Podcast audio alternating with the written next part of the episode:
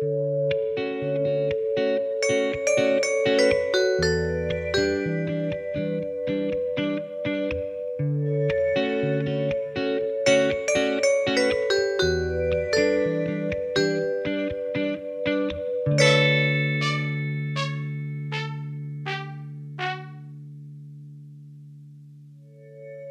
og velkommen til Trans-Norge, en podkast om transpersoner. Lagd av PKI Norge, pasientorganisasjonen for kjønnsinkongruens. Jeg heter Luka Dahl Vespeseth. For en stund siden så ba jeg lytterne på denne podden om å ta kontakt om de hadde lyst til å dele sin kjønnsreise. Spesielt om de hadde detransisjonert, retransisjonert, føler anger rundt behandling, eller har hatt en kjønnsreise som ikke bare har gått fra A til B. Og med kjønnsreise så mener jeg folk sin prosess rundt å finne ut hvem de er, og sosial og eller medisinsk transisjon.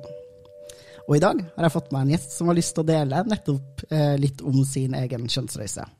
Hei og velkommen til podden. Hei. Kan ikke du fortelle lytterne våre hvem du er? Navn, pronomen, bla, bla, bla. Ja, sånne ting, da. Jeg heter Iris. Jeg er transkvinne, så jeg bruker pronomen hun. Uh, hvem jeg er? Er det noe mer du vil vite? jeg tenkte du skulle få lov til å dele litt mer sånn utover, men uh, it's a good ja, start. Ja, det kan jeg godt. Uh, altså, jeg har en bachelor i europeiske språk. Jeg snakker fem språk flytende. Og for tiden så jobber jeg for T-banen som T-banefører. Så det er jo stor del av livet mitt akkurat nå, da. Sammen med transisjonen. Jeg er jo litt i begynnerfasen av det på mange måter. Men det er jo en lengre historie som vi skal innom videre fremover i denne podkasten. Femspråk, ja. Det er ganske imponerende. Takk. Jeg snakker norsk. du snakker veldig bra norsk, da, Luka. ja, det er jeg så hvit at det er komplimenter jeg aldri har fått før. En gang må være den første. Sant. Uh, kan ikke du begynne med å liksom bare i, i, korte trekk fortelle oss om din liksom, kjønnsreise fram til i dag? Ja, Skal jeg starte fra begynnelsen? Ja, jeg vil helst starte det fra begynnelsen. Ja, Jeg er født i Oslo, da. For meg så har det vært noe som har vært med meg fra, helt fra de aller tidligste minnene mine. Jeg var ikke alltid klar over hva det betydde. Altså jeg ønsket, Da jeg var liten, så ønsket jeg alltid å være en jente. Altså jeg lekte at jeg var jente i barnehagen. Jeg, uh, av og til kunne jeg ligge oppe om natten og bare ønske at det skulle skje. Eller jeg så for meg fremtiden som, som på en måte Ja, med en feminin kropp, da. Uten at jeg selv tenkte over hva det betydde. Jeg hadde ikke en så klar forestilling om hva kjønn var uh, i barnehagealder. Det er det kanskje mange som ikke har. det startet på en måte fra veldig tidlig alder. Og en annen ting som startet fra veldig tidlig alder, var at jeg begynte å undertrykke disse følelsene. Uh, for jeg var veldig våken som lite barn, og plukket fort opp at den typen lek og den typen tanker og følelser ikke var helt greit, da. Uh, for, uh, for Jeg vet ikke. For folk, for samfunnet. kan du huske noen sånn konkrete episoder hvor du har fått den type feedback? Eller liksom, har det vært sånn konkret folk har sagt sånn du kan ikke leke at du er jente? Eller har det vært mer sånn her kroppsspråk, holdninger, subtile beskjeder? Det har vel vært, For meg så har det vært veldig lite konkret. Uh, det har vært veldig mye mer subtilt gjennom på en måte at jeg observerte måten folk snakket på, ting folk sa ting jeg fikk med meg i media. altså Jeg fikk bare en sånn følelse da, veldig tidlig av at det ikke var greit. Sånn, jeg, jeg, tror jeg liksom oppfattet mye av verden i liksom sånn følelser om hva som var greit og ikke var greit da jeg var liten. Så jeg kan ikke huske, jeg kan ikke huske å ha fått noen veldig konkrete reaksjoner på det. I hvert fall ikke som liten. Um, det begynte, eller noe husker jeg i, typ, på barneskolen og sånn. Hvor liksom jeg fortsatte kanskje å leke noen av de lekene jeg lekte i barnehagen, og hvor jeg tok på meg veldig feminine roller, eller ting som hadde med transformasjon å gjøre. Og så synes de andre barna det var rarere og rarere, på en måte. jo eldre jeg ble, helt til jeg på en måte bare kutta ut det fullstendig. Mm. Så veldig konkret har jeg ikke noen minner av. Men jeg husker det var en veldig sterk følelse. Jeg tror jo barn er utrolig observant på kroppsspråk, hvor mye oppmerksomhet de får når de gjør forskjellige typer atferd.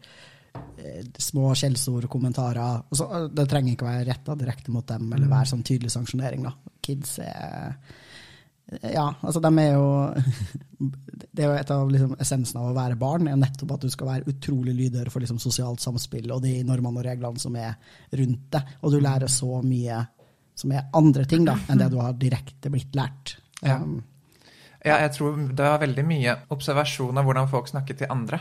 Og, og, på en måte bilder i media. altså på en måte, Det er veldig mye også på en måte barnefilmer og barne-TV-programmer hvor liksom uh, gutten eller mannen i kvinneklær alltid er på en måte en spøk. på en måte, Noe man ler av, noe man gjør narr av.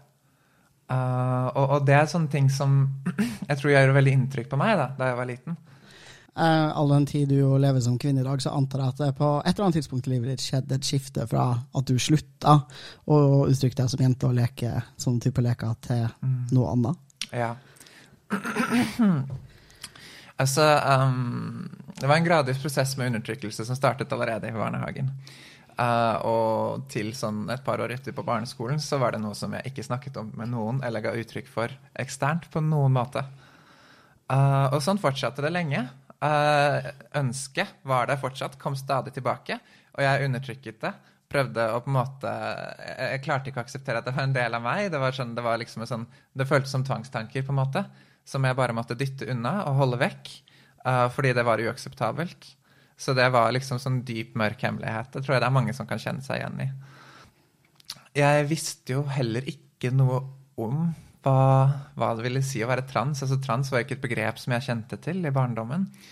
Uh, da jeg var seks år, rett før jeg startet på barneskolen, så flyttet familien min til Trysil i Hedmark. Eller Innlandet, som det heter nå. det begynner sikkert å hete Hedmark igjen snart. Uh, ja, med, men ny regjeringa. Ja, stemmer. Vi får se. uh, I hvert fall i det området som en gang het Hedmark. um, ja, og det er jo ikke akkurat på en måte altså, Bygde-Norge er ikke akkurat kjent for å ligge langt foran på LHBT pluss-saker. Um, så jeg ble ikke noe mer eksponert for det der enn det jeg ble i barnehagen i Oslo. for å si Det sånn. Det var vel heller mindre mangfold. Uh, og noe som jeg følte veldig på på mange måter. Også utover det at jeg senere fant ut at jeg var trans, så var det mange ting ved liksom den graden av konformitet som ikke helt passet meg, da. Så det tok egentlig ganske mange år før jeg ble eksponert for ideen. Uh, det var vel sånn rundt begynnelsen av videregående, da jeg begynte å tilbringe tid på Tumblr, som man jo gjør. Så du er en av dem som har blitt smitta av trans på Tumblr, altså? Ja, det stemmer. Åh, det er veldig, veldig smittsom side, altså. Veldig farlig. Um, ja. Men faktisk så var det ikke egentlig sånn at jeg på en måte, Selv om jeg ble eksponert for det at det fantes folk som var trans, og som gjorde det, og jeg begynte liksom å engasjere meg litt for rettigheter da, for transfolk og LHBT-folk generelt. Selv om jeg ikke da Jeg regnet ikke meg selv for å være del av den gruppen. og det gikk ikke noen sånn lyspære i det sånn Oi, shit, dette kanskje kan gjelde meg. Uh, det falt meg ikke inn i det hele tatt. Det var mer sånn på en måte Ja, disse personene der borte, de burde også ha rettigheter. det traff meg først at jeg, jeg klarte ikke å sette to og to sammen. At liksom jeg hadde et sånt kraftig ønske om å være jente som hadde vært med meg siden jeg var liten, og det at det fantes noe som het å være trans, det, det klarte jeg ikke helt å liksom Det var ikke noe connection der, da, for meg. Det kom først senere, da jeg var 18. Uh, da møtte jeg en person som uh, fortalte meg ansikt til ansikt Uh, jeg har kjønns... Eller altså, jeg føler på kjønnsdysfori, var vel ordene hun brukte. Det var, det var en ganske syk opplevelse, egentlig. Jeg har ikke opplevd noe sånt før eller siden, egentlig. For det var på en måte sånn Jeg bare ble helt slått i bakken, fordi plutselig så sto det en person foran meg og snakket om dette. Og jeg vet ikke hvorfor, men da bare I hodet mitt så, så bare gikk det et lys opp for meg, da. Og jeg skjønte at shit, det har jo jeg også. jeg sa det jo rett ut, rett, rett, der og da. Sånn, ja, det tror jeg jeg har også. ja, det som fulgte, var noen uker med veldig, veldig Hva skal man si? Mye selvransakelse og mye googling uh, og lesing av ting på, på forumer og, og, på nettet, på en måte. For å prøve å forstå sånn OK, nå har jeg skjønt at dette er en ting som gjelder meg. Hva, hva er denne tingen, uh, og hva kan jeg gjøre med det? Hva tror du det var med det møtet som gjorde at du forsto det? Altså, det er jo helt tydelig at du har visst at transfolk har eksistert, du har engasjert deg for LHBT pluss folk sine rettigheter, du har lest om temaet før. Hva er det med det her liksom, menneskemøtet som gjør at du innser at du er trans, eller at du kjenner på kjønnsdysfori. Mm. Eller kjønnsinkongruens. Jeg husker ikke hva du sa. Ja. Kjønnsdysfori var ordet som ble brukt. Ja. Jeg, jeg, tror, eh, jeg tror det var noe med det med å møte en person fysisk i virkeligheten. For da er det veldig vanskelig å abstrahere det vekk. Da er ikke, en måte, da er det ikke en idé, noe der ute. Da er det noen som er her og nå. Noe som faktiske, virkelige, levende mennesker føler på, på en måte. Um, utover det så vet jeg ikke. Det er litt mystisk for meg også. Hvorfor det skjedde akkurat der og da. I det øyeblikket. Men det var, veldig, det var en veldig sånn opplevelse av at det var en plutselig forståelse, på en måte. Og ikke noe som kom gradvis. Ja. Jeg svarer det på spørsmålet. Veldig godt. Ja.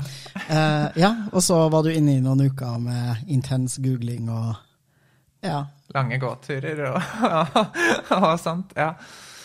ja uh, og det tok meg ikke egentlig lange tiden å forstå at sånn OK, uh, da er jeg trans, da. Da må jeg gjøre noe med det. Og på den tiden Dette var jo i det herrens år 2014. Eh, da, da var det på en måte Det var egentlig bare to ting um, som virket som muligheter. Fordi jeg hadde et ønske om behandling. Uh, hormonbehandling. Jeg lærte fort at det var en mulighet. Det var noe som kunne gi liksom, go gode resultater og få ting til å være bedre. Da, gjøre noe med problemet. Uh, og da var det to muligheter i Norge. Enten så dro du til Riksen, eller så kjøpte du på svartemarkedet. Og det siste det var ikke egentlig en option for meg, både pga. at jeg var redd for på en måte Altså, jeg, jeg har ikke nå, og jeg hadde ikke da, noen slags form for medisinsk utdannelse. Altså ikke kompetanse, rett og slett. da. For det første, og for det andre så hadde jeg heller ikke noe penger. Det var fortsatt mens jeg var, på vei gjennom videregående. Så jeg hadde ikke noe inntekt eller penger til å liksom støtte dette, og jeg var, var ikke klar for å komme ut til mamma og pappa heller. Så det var på en måte uaktuelt, da. Så jeg dro til fastlegen min uh, og fikk henvisning til DPS. Den fikk jeg veldig fort. Jeg hadde ett møte med fastlegen min og fikk henvisning videre. Um, han taklet det veldig fint uh, og tok meg imot på en veldig bra måte. Etter det, da, så Jeg skulle egentlig få time med psykolog etter tre måneder. Så ble det utsatt én gang, og så ble det utsatt en gang til. Og på det tidspunktet så hadde jeg bestemt meg for å flytte til Oslo. Uh, for det der var bare en psykolog på DPS-en i Elverum. Um, og det betydde at da måtte jeg sette meg på enda en ny venteliste. Så det endte opp med å ta ti måneder fra den, det møtet med fastlegen til jeg faktisk fikk den første timen med en psykolog for å begynne å snakke om dette. da. Men på den tiden så jobbet jeg litt med det selv. altså Jeg begynte å komme ut til nære venner. Og fortelle liksom Ja, jeg er trans, og, og, og jeg fant et navn. Iris, navnet mitt. Det har vært det samme hele tiden. Og begynte å be de nærmeste da, om å bruke det. Ok, så nå um, du har kommet ut til noen av dine nærmeste venner, flytta til Oslo og fått deg deltidsjobb. Ja. Hva skjer så? Hva skjer så? Nei, jeg begynner å snakke med denne psykologen da. Um, på en DPS her i Oslo. Hun var veldig dyktig. Vi hadde ganske gode samtaler. Men uh, jeg hadde nok mye å bearbeide utenom det å være trans. Uh, og um, det jeg innsett i ettertid, da, og det kan vi kanskje komme litt mer tilbake til, men det var at jeg på den tiden var, hadde ganske mye angst og frykt knytta til det å skulle identifisere meg selv som trans, og rett og slett mye internalisert transfobi. Uh, et veldig stereotypt internt bilde av hva det ville si å være trans. Uh, et negativt bilde som jeg fant det vanskelig å knytte meg selv til. Mm. Og kombinert med mange andre ting da, som vi hadde opplevd i løpet av livet som på en måte også trengte, som jeg trengte å jobbe gjennom, så førte til at selv om det var gode samtaler, så kom vi ikke liksom helt til kjernen på det. Det var veldig vanskelig for meg å snakke om det, egentlig. Um, så hun psykologen hun anbefalte meg å dra videre til um, en psykodynamisk psykoanalytiker. Det er liksom, For de som ikke kjenner til hva det er, det er den, den formen for terapi som først ble oppfunnet av Freud. da. Klassisk hvor du ligger på en divan og ser opp i taket. Så sitter psykologen bak deg ute av syne med notatblokken. Um, og så er det om å gjøre å på en måte prøve å hente frem det underbevisste ved å bare la liksom, praten gå uten å filtrere seg selv. da. og så møtes ofte over en lang periode. Uh, så jeg fikk henvisning videre til Psykoanalytisk institutt og begynte å snakke med en psykolog der.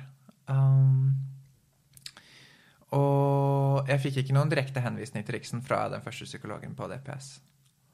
Og det kom fort frem at den psykologen jeg snakket med, den psykoanalytikeren, han ville heller ikke sende noen henvisning. Og han jobbet ikke egentlig med diagnoser.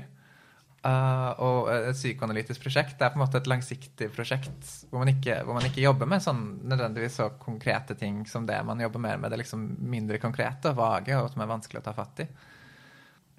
Så det var på en måte en liten prosess med å se at sånn, ok, jeg kommer ikke egentlig videre her. Men likevel følte jeg at jeg hadde mye å jobbe med selv, som det var nyttig for meg å snakke med ham om. Uh, og fortsette det, det prosjektet da, som vi hadde startet allerede på det tidspunktet da jeg fant ut dette. Uh, så jeg fortsatte å gå til ham. Men det gjorde jo også at på en måte Jeg tror han også sa, hvis jeg husker riktig, at uh, det jeg skulle starte en type hormonbehandling, kunne være forstyrrende for analysen. Ja. han var veldig dyktig ellers, men i retrospekt så, så, merker jeg at jeg er litt kritisk til akkurat det utsagnet der. og at det påvirket meg, som allerede på en måte hadde litt vanskeligheter med å igangsette det prosjektet. Med å faktisk ta de stegene som det senere viser seg at jeg trengte å ta. da. Um, at ting kanskje kunne gått litt fortere hvis det ikke hadde vært for den typen utsagn. Så jeg fortsatte hos Sama likevel. Samtidig, parallelt med det, så kom jeg ut til verden. Jeg endra navn på, på, Facebook. Jeg brukte Iris med alle. Jeg ba folk om å bruke hun kjønnspronomen. Jeg transisjonerte sosialt, rett og slett. Mm. Uh, samtidig med at jeg begynte på universitetet. Det gikk tilsynelatende veldig fint. Jeg hadde veldig få negative reaksjoner. Folk var veldig støttende og veldig sånn Ja, så fint at du gjør det, så fint at du gjør dette, så, så bra at du tør å være deg selv, det er så flott å se. Og liksom folk var veldig støttende og positive. Men øh, jeg var ikke klar. Jeg hadde fortsatt all, denne, alle disse ideene inni meg, all denne bagasjen øh, rundt det å være trans, rundt det å uttrykke meg feminint. Det var veldig, var veldig vanskelig for meg. Det var forbundet med veldig, veldig mye frykt og angst. Hver gang jeg øvde på å uttrykke meg feminint, eller forsøkte å kle meg annerledes, eller, eller sånne ting, så følte jeg ikke på en måte noen mestring av det. Um, jeg følte at uh, Jeg følte meg som en mann i kvinneklær. Og det følte det var det jeg så i speilet, og det var skikkelig ubehagelig. Uh, og gjorde meg skikkelig redd for hvordan folk ville reagere på den tiden, da.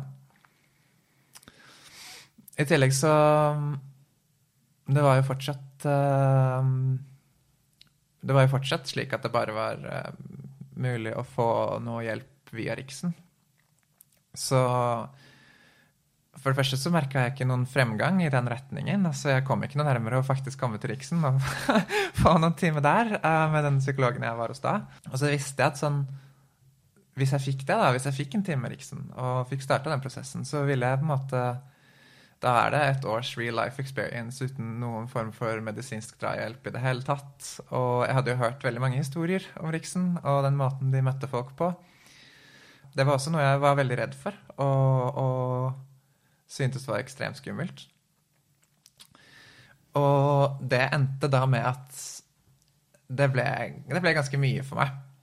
Uh, jeg, jeg, klarte ikke helt å takle på en måte det å faktisk transisjonere noe mer enn bare å si at jeg på en måte jeg, Nå heter jeg Iris, bruk hun-pronomen, liksom. Så jeg klarte ikke egentlig å endre uttrykket mitt i noe særlig stor grad.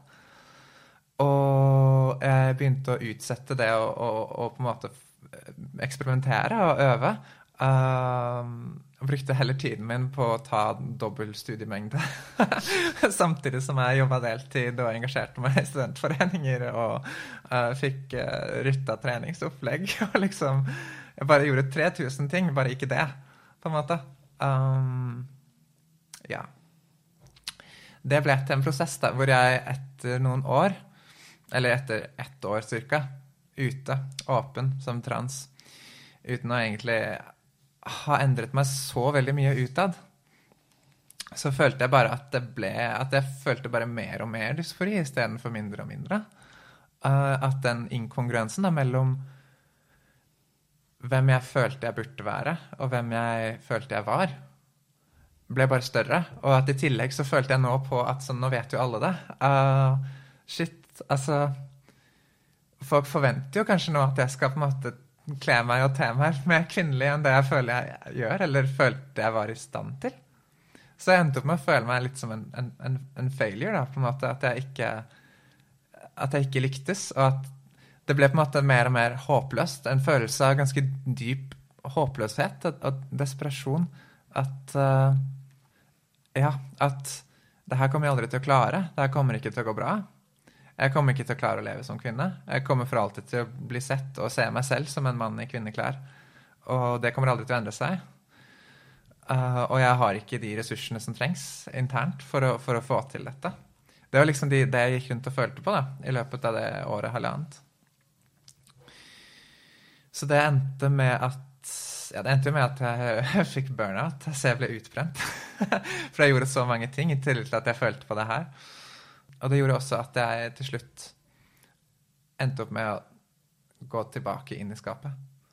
Jeg skrev en post på Facebook hvor jeg sa noe sånt som sånn OK, skal jeg prøve å være mann, da. Se åssen det går. Veldig maskulin post. Bare uh, chilla, gutta. Bare teste å være dude igjen. ja, ja det, det, jeg merker det. Det er ganske morsomt i retrospekt.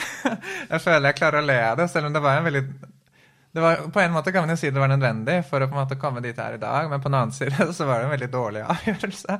Jeg begynte å anlegge skjegg, for jeg tenkte nå skal jeg gå all in og prøve skikkelig. på en måte. Jeg hadde jo alltid barbert meg før det, uh, fordi jeg likte ikke å ha, ha, noe der, på en måte. Mm. Um, så ja, jeg begynte å anlegge skjegg og sa til alle at jeg, at jeg skulle prøve å være mann. Uh, jeg gikk ikke helt tilbake på navnet. Jeg sa dere kan bruke hva dere vil. Gamle navnet eller det nye navnet. Det er opp til dere. og så, ja. Hvordan I det øyeblikket du trykker enter på den posten på Facebook, mm. hva føler du da? Tenker du sånn faen, nå gjør du en feil, eller ho, nå slipper jeg å gå og kjenne på at jeg mislykkes i det her prosjektet, eller hva, hva kjente du på? Oi, Um, det er litt vanskelig å huske, faktisk. For det begynner å bli noen år siden nå. Nøyaktig hva jeg følte. Og det ville jo Minnet er kanskje litt preget av det som skjedde i etterkant, altså. Mm. Men uh, ja. Jeg tror nok jeg følte på lettelse. Jeg tror nok jeg følte at sånn OK, får i hvert fall gjøre et forsøk, da. Prøve å være sist, på en måte, og se Kan jeg leve som dette? Det var jo egentlig, altså det jeg skrev, var jo også på en måte ganske ærlig. Jeg var jo ikke sikker på om jeg faktisk kom til å, å klare å leve som mann. Men jeg tenkte jeg skulle gjøre det, gi det et ærlig forsøk. Mm. Vil jo påstå at du kanskje hadde gitt et ærlig forsøk allerede, men uh, Ja, det, det er sant. men ja, for, uh, fortell om ditt siste ærlige forsøk på å late som du var en cis-fyr. Ja, nei, altså det varte i uh, Ja, når var det det her, da? 20... 2018, begynnelsen av 2018. Så det varte jo litt over to år, dette forsøket. Denne perioden flytta jeg også utenlands. Eh, det tror jeg også kanskje har spilt med på at jeg bestemte meg for å, gjøre, for å gå tilbake inn i skapet akkurat der og da. da. For jeg flytta til Italia først, som del av um, bacheloren min uh, som utvekslingsstudent. Italia er nå ikke et land som er kjent for å være veldig progressive når det kommer til LHBT-saker.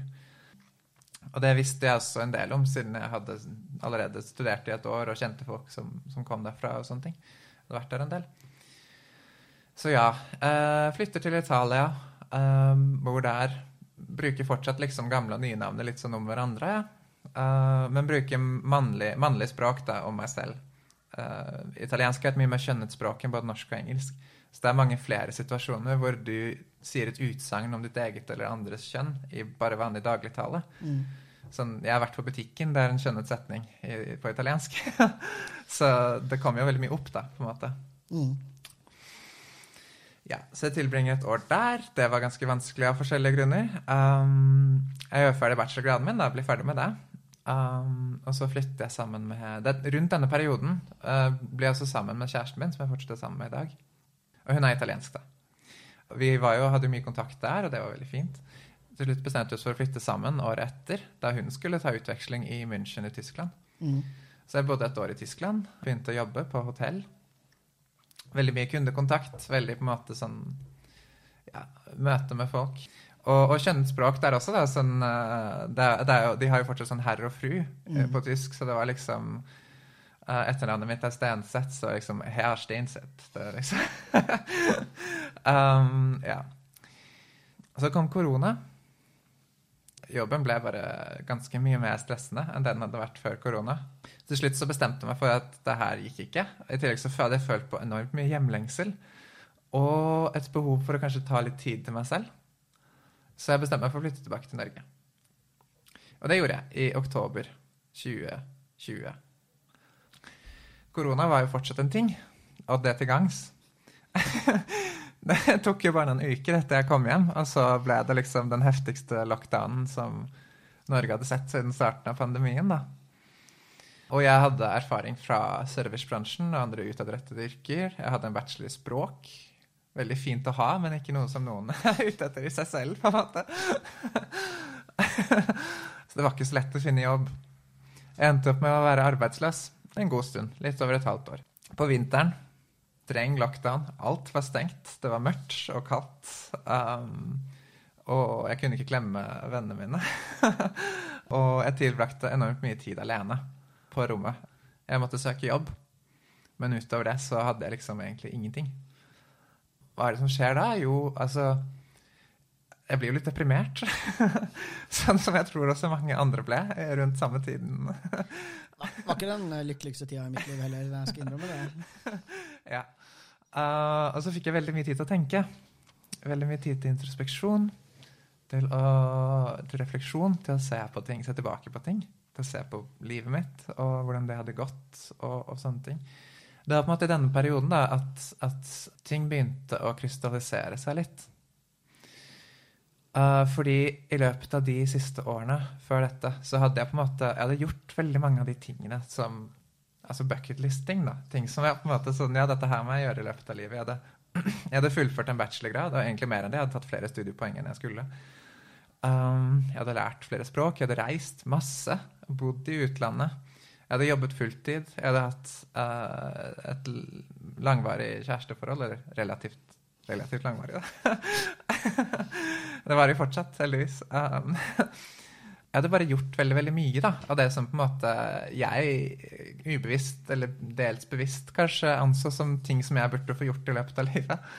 Og så følte jeg meg bare helt fullstendig ulykkelig. Eh, på tross av det, da.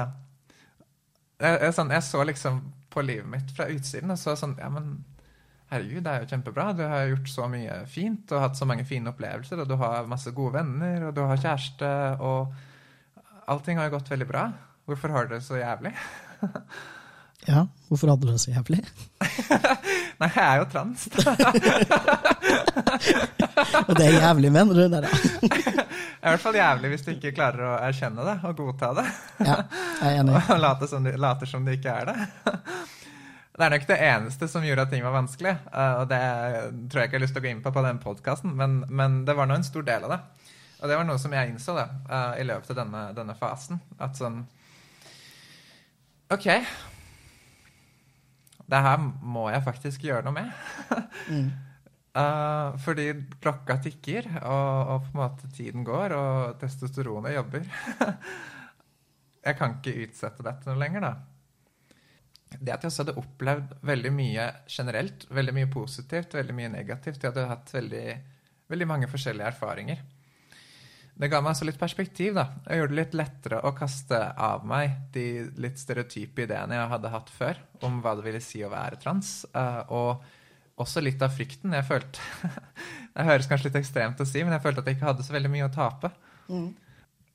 Og at det gjorde at jeg, jeg fikk en styrke da, til å tenke at OK, det her må jeg bare gjøre hvis jeg skal kunne ha en sjanse til å leve et bra liv. Uh, så da må jeg bare sette i gang, da, koste hva det koste vil. På det tidspunktet så trodde jeg fortsatt at det eneste alternativet mitt der ville være Riksen. Så jeg var jo beredt for å på en måte måtte gå gjennom, gå gjennom det systemet um, for å få tilgang, og at jeg kanskje måtte vente en del. Heldigvis. Og det, det var jo du som tipset meg om det, da. Men heldigvis så finnes det et tilbud i Oslo, uh, HKS, Helsestasjon for kjønn og seksualitet, som er et tilbud for de som er under 30 og bosatt i Oslo. uh, som tilbyr hormoner på informert samtykke. Um, så jeg kontaktet dem og fikk noen timer med en av deres psykologer. Og ja. Det endte med at jeg fikk starte på hormoner i mai i år. Uh, Hurra. hurra! Det er fem måneder siden i forgårs. oppstarten. Ja, så heldigvis så slapp jeg å vente så lenge. Fordi på dette tidspunktet, da um, Jeg hadde gått veldig mange runder med meg selv. Og jeg hadde, hadde gått frem og tilbake og prøvd å være cis og, og liksom alt mulig rart. Og jeg følte meg liksom Det var ikke noen tvil. Det var egentlig ikke det tidligere heller. Det var bare at før dette tidspunktet, før jeg hadde hatt disse erfaringene og, og, og bearbeidet ting og forstått meg selv bedre og, og opplevd mye, da, på en måte nok til at jeg kunne si at jeg må bare skjære igjennom. Før det så Jeg skjønte jo at jeg var trans med en gang. Jeg møtte den personen da jeg var 18. Og det var på en måte en sannhet som jeg skjønte intellektuelt fra første øyeblikk. At dette her er sant. Uh, men jeg klarte ikke å akseptere det emosjonelt.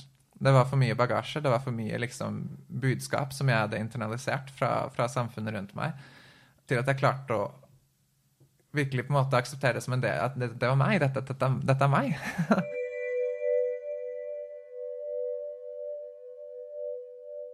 ja, på et eller annet tidspunkt her så har du jo kommet ut igjen, da. Og fortalt verden at du faktisk er en kvinne. Eh, ja, hva, slags um, jeg skulle si, Hva slags reaksjoner fikk du på det andre gangen du sa det? Og var det noen som liksom, i den perioden hvor du prøvde å leve som mann, var det noen som bare sa sånn Hei, er du sikker på at det her er riktig for deg? Eller som Eller var alle litt sånn bejublende fordi Siss er da shit, liksom? Altså, det er, det er, to forskjellige spørsmål her, da. Um, hvis jeg svarer på det siste spørsmålet sist, så uh, først så, så egentlig ingen av delene. Jeg følte at jeg tror kanskje at veldig mange var litt redd for å ta i det, rett og slett. Og, og, si så veldig mye i noen retning, på en måte. Så når jeg på en måte kom ut og sa sånn, nå skal jeg prøve å være mann Det var, det var noen som var veldig bejublende. Noen få. um, men uh, å være sånn Å, kult, en av gutta, liksom. Og så være sånn Gutta, gutta. Jeg ble jo ikke noe mer en av gutta etter det. Nei. um, ja. Uh, det var noen som var litt bejublende, og så var det nok noen som også stilte litt spørsmål ved det. De som kanskje kjente meg, kjente meg bedre. var sånn, ja, ok, hva, hva, skjer nå? Men for det meste så tror jeg folk var litt sånn, ja, ok. Greit. folk var nok litt forvirra, tror jeg. Mm. Det var inntrykket mitt fra de samtalene jeg hadde etter det. Men jeg tror ikke folk turte å ta i det. Så jeg fikk ikke egentlig så veldig mange reaksjoner, verken i positiv eller negativ retning. Uh, da jeg kom ut på nytt, da, da tok jeg det veldig sånn Jeg tok det bare sånn én person av gangen, egentlig. Jeg gjorde ikke noen sånn stor annonsering på Facebook. Uh, I hvert fall ikke med en gang. Jeg tok heller å komme ut med liksom de jeg kjente, da, de som jeg faktisk hadde kontakt med i dagliglivet. Og på en måte en etter en sånn Hei, nå skal jeg faktisk transisjonere. Jeg skal faktisk uh, Jeg er faktisk trans. Jeg er faktisk kvinne. og det her er noe jeg har tenkt å gjøre noe med. Og det tenkte jeg at du burde vite. Fra nå av så er det hun, hun som gjelder, og ja. sånn. Og det gikk veldig fint. Jeg er kanskje heldig med vennekretsen min, eller, eller har, har valgt vennene mine godt, men jeg opplevde ikke en eneste negativ reaksjon på det. Da jeg kom ut til foreldrene mine på, på nytt, jeg hadde jo kommet ut til dem i løpet av den første prosessen første gangen. da. Jeg var ikke heller i stand til å snakke om det så tydelig som jeg er nå. Fordi jeg hadde alt dette i hodet mitt. så det, var liksom, det var veldig vanskelig for meg å snakke om. Folk stilte meg spørsmål da jeg kom ut første gangen. og det var sånn, Jeg visste aldri helt hva jeg skulle si, eller liksom hvordan jeg skulle forklare det. Det er jo en helt absurd ting som kreves av transfolk, da, at vi skal ha tenkt og reflektert og være i stand til å verbalisere tanker rundt kjønn da, mm. på et helt annet nivå enn det alle andre mennesker må. Det, det holder jo ikke å bare si sånn her jeg føler at jeg er en dame, liksom, jeg har lyst til å leve som det. Du får jo 2000 oppfølgingsspørsmål, ja. uh, og det er ganske heftig å kreve det av folk. Um, jeg tenker at en del mennesker vil aldri komme til et sted hvor det er komfortabelt, og noe nei, nei. de mestrer, eller noe de har lyst til i det hele tatt. Da. Nei, og jeg tror, jeg tror også sånn, de aller fleste cis-folk de kommer jo aldri dit. For de har jo aldri på en måte noen grunn i gåseøynene da, til å, til å konfrontere seg selv med dette temaet. Men ja, andre gang du kommer ut til foreldrene dine, hvordan gikk det? Det gikk fint. Altså, De er veldig aksepterende som foreldre sånn generelt. De, jeg tror de har en sånn grunntanke om at sånn, så lenge jeg gjør det som er riktig for meg, så, så er det mitt liv, og jeg gjør mine, mine, valg, liksom. Men jeg merket at det var sånn En ting som jeg opplevde som litt vanskelig, forståelig, men vanskelig, det var at sånn, første reaksjonen var veldig sånn frykt. sånn å nei, skal du gjøre dette? Hva, hvordan kommer det til å gå? Hva, hva, slags, hva vil dette bety for fremtiden din? Og liksom sånne ting, da, på en måte. Veldig forståelig, men jeg opplevde det også som litt vanskelig. Jeg skulle liksom ønske at det var sånn Yes, så bra. Generelt tips til foreldre i verden er jo vi forstår at dere blir redd, men prøv å ikke legge det på oss, liksom. Fordi det er ja. så sjukt vanskelig å skulle ta imot som barn. da. Ja. Samme om du er et voksent barn eller et barnbarn. Helt klart. Altså, jeg er veldig glad i foreldrene mine, og jeg er skikkelig glad for at de, de har støttet meg da, hele veien og akseptert at når jeg sier dette, så er det sånn. Det, det, er et veldig positivt trekk, og noe som man dessverre ikke kan ta for gitt. Men ja, Så det var jo litt sånn OK. Men det var en prosess, og så snakket vi sammen og frem og tilbake. Og så uh, brukte jeg litt tid på å lære dem noen ting og fortelle om mine egne erfaringer og sånne ting. Og, og, og så gikk det bedre etter hvert, da. Så andre ganger, sånn samlet sett, så gikk det veldig bra. Rett og slett. Da har vi kommet til nåtiden, da. Ja. Basically. Hvor er du nå? Hvor er jeg nå? Nei, jeg fikk jo jobb, da. Jeg ble, forble ikke arbeidsløs. Heldigvis. Bra. det er veldig bra. Av mange grunner. Um, jeg betaler jo for hormonene selv, blant annet. Det er jo ikke noe blå resept å få utenom Riksen. Jeg fikk jobb i, i Sporveien som T-banefører kan varmt anbefale Sporveien for skeive folk. De var ekstremt aksepterende fra, fra dag én. Og jeg, jeg, jeg gjorde noe ganske sånn Noe som føles litt sånn sykt i retrospekt, men uh, jeg, kom ut på jobbintervjuet. det er en lang prosess, da. Lang søknadsprosess for å bli uh, T-banefører. Uh, men på slutten av den så har du et sånn dybdeintervju med leder og noen fra HR og noen fra fagforeningen. Og jeg fortalte dem at jeg var trans, og at jeg kom til å endre navn og etter hvert juridisk kjønn på det intervjuet. Og det tok de helt fint. Det var bare helt uproblematisk, liksom. Og jeg, jeg fikk jo jobben, så det, det, er jo på en måte et veldig klart tegn allerede der. Jeg fikk også bruke riktig navn på jobben og i alle liksom uh, Hva skal man si IT-systemer og sånn, før jeg hadde endret det juridisk på en måte skulle bare mangle. Men ja. uh, vi blir jo alltid hyggelig overraska når folk ikke er transfob. Det er jo kjempekoselig. ja, det er noe med det. Det er sånn, jeg, jeg, føler meg veldig bevisst på akkurat det der selv. Det er sånn OK, det her burde man, burde man kunne ta for gitt. Men dessverre så kan man ikke det. Og derfor så føler jeg det er viktig å påpeke, da. Så på jobben gikk det kjempefint. Uh, jeg fikk starta på hormoner, noe som var en helt gedigen lettelse. Uh, og ja, det går egentlig bedre enn noensinne på veldig mange måter. Mm. Så, og det har på en måte Ja. Det har føltes veldig riktig hele veien, da. Nå som jeg endelig har kommet dit at jeg har akseptert på et emosjonelt plan at OK, jeg er trans, det er bare et fakta om meg, rett og slett.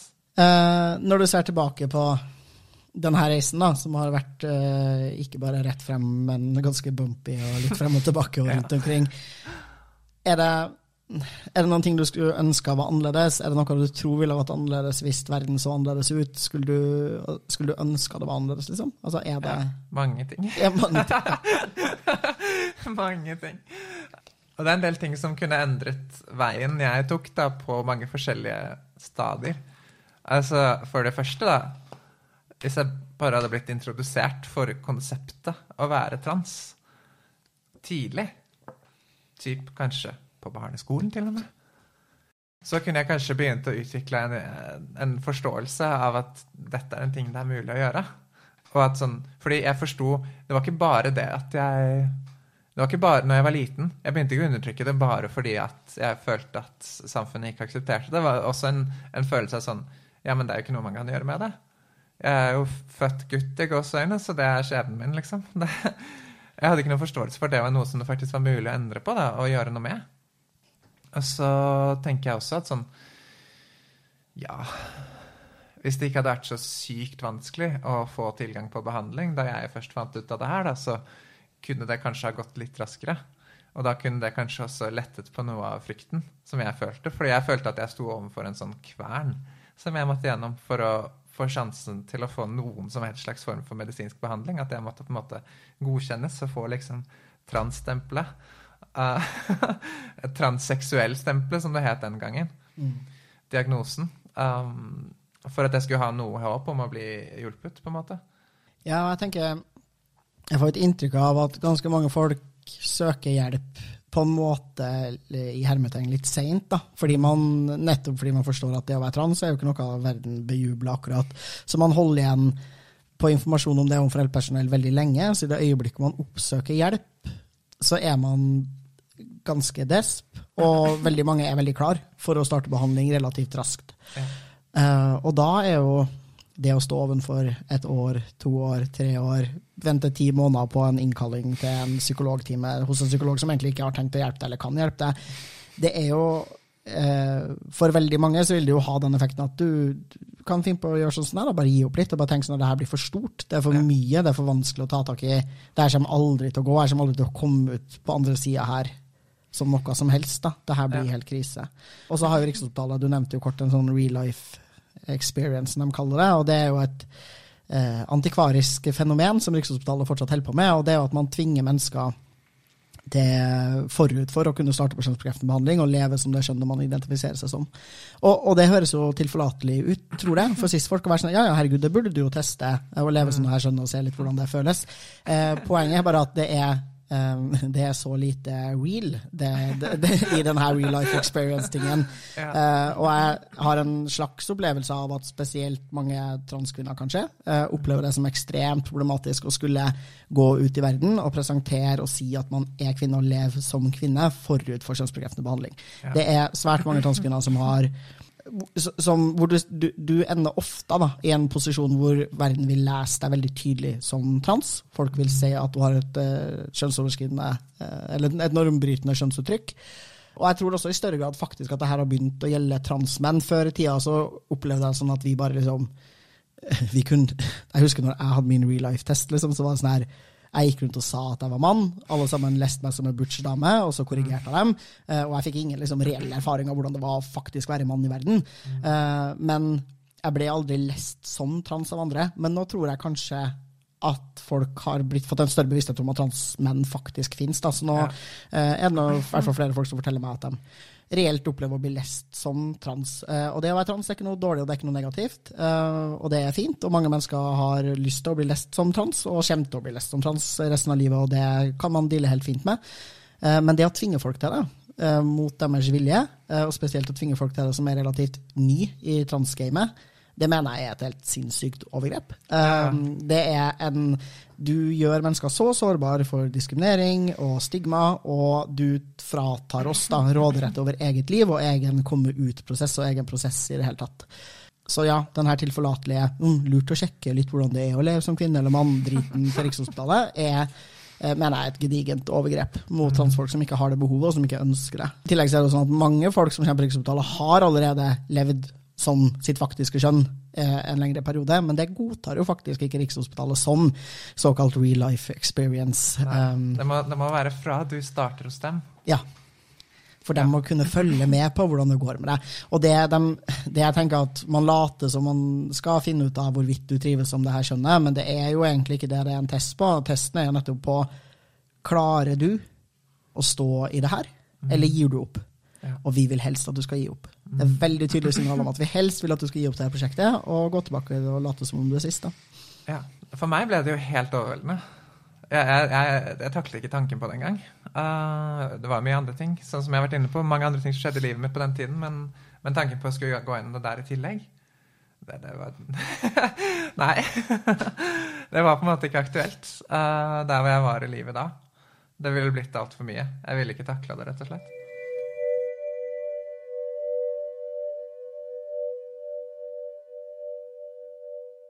Du nevnte et par ting som du tenkte at kunne ha gjort liksom, kjønnsreisen din enklere. Men det jeg liksom lurer på, er om du tenker at, at det også har vært verdifullt for deg, eller vært positivt, at den har vært såpass krøkkete? Ja, altså Den krøkkete veien til dit jeg har kommet nå, Den har gitt meg veldig mye Altså, jeg har hatt veldig mange forskjellige erfaringer da, som jeg ikke ville hatt hvis veien hadde vært mer rett frem og, og enkel. Uh, og de erfaringene gir grunnlag for refleksjon og forståelse og empati. Og, og på en måte et, et dypere perspektiv på hele, hele saken. Uh, så sånn sett er jo, er jo Det er litt, litt sånn begge deler. Altså det er på en måte sånn både, både, positivt og negativt. Sånn, jeg setter pris på de erfaringene jeg har gjort meg i livet mitt slik som det var, samtidig. Og, og, det er på en måte Jeg er jo den jeg er i dag av den reisen. Samtidig så er det sånn Så mange ting ville vært så mye enklere og mindre smertefulle og mindre vanskelige hvis på en måte ting hadde gått annerledes. da, Hvis jeg hadde fått tilgang på behandling tidligere. Så ja. Litt begge Litt, litt på en måte to, to, sider her, på en måte. da. Jeg har jo fått mye ut av den reisen jeg har hatt, men samtidig skulle jeg jo gjerne hatt en litt annen reise. Takk for at du har liksom delt din kjønnsreise og dine perspektiver og refleksjoner rundt kjønn, trans og samfunnet og verden og deg selv. Altså, jeg opplevde, spesielt når jeg kom ut andre gangen, mm. i forkant av det, den prosessen hvor jeg reflekterte veldig mye, så hadde det også i årene imellom at jeg først fant ut, og at jeg kom ut for andre gang, så hadde det kommet veldig mange flere transfolk som levde åpent, som ikke levde i skjul, men som levde åpent og, og snakket om det åpent. Uh, og det var, veldig, det var, veldig, viktig for meg da, for at jeg skulle kunne på en måte se at oi, dette er mulig. det finnes folk som lever ganske normale liv og har det fint, og som er trans, og som er åpne om at de er trans. Og det betydde veldig mye for meg. Så jeg håper på en måte, altså Noe av mitt ønske ved å dele denne historien er at det kan kanskje være en sånn historie for noen andre. da. At noen kan se, spesielt kanskje noen som syns det er vanskelig, som kanskje har kommet ut og, og syns det er kjempevanskelig, og ser Shit, jeg vet ikke om, om jeg klarer dette. Jeg forstår det ekstremt godt. Det er innafor å detransisjonere. Det er innafor å retransisjonere. Og din reise er din reise. Om den er krøkete eller rett. Ja. Altså, det var helt nydelig siste ord. Tusen takk for at du ville komme på podden i dag, Iris. Um, og takk for at du delte din kjønnsreise med oss. Takk for at jeg fikk komme. Om du har lyst til å komme på podkasten og dele noe fra din kjønnsreise, så må du gjerne ta kontakt med meg på luka.sjonsinkongruens.no. Jeg heter Lukadalen Espeseth. Takk til Martin Skjold for den nydelige Trans-Norge-musikken. Takk til Thomas Westvold Hansen for den grafiske profilen til podden. Følg Trans Norge der du lytter til podkaster for å få med deg alle episodene av podden, og spre gjerne ordet om den hvis du liker den. Følg PKI på Facebook og Instagram. På Instagram så heter vi pki.norge. Og meld deg gjerne inn i PKI på nettsidene våre www.sjonsinkongruens.no.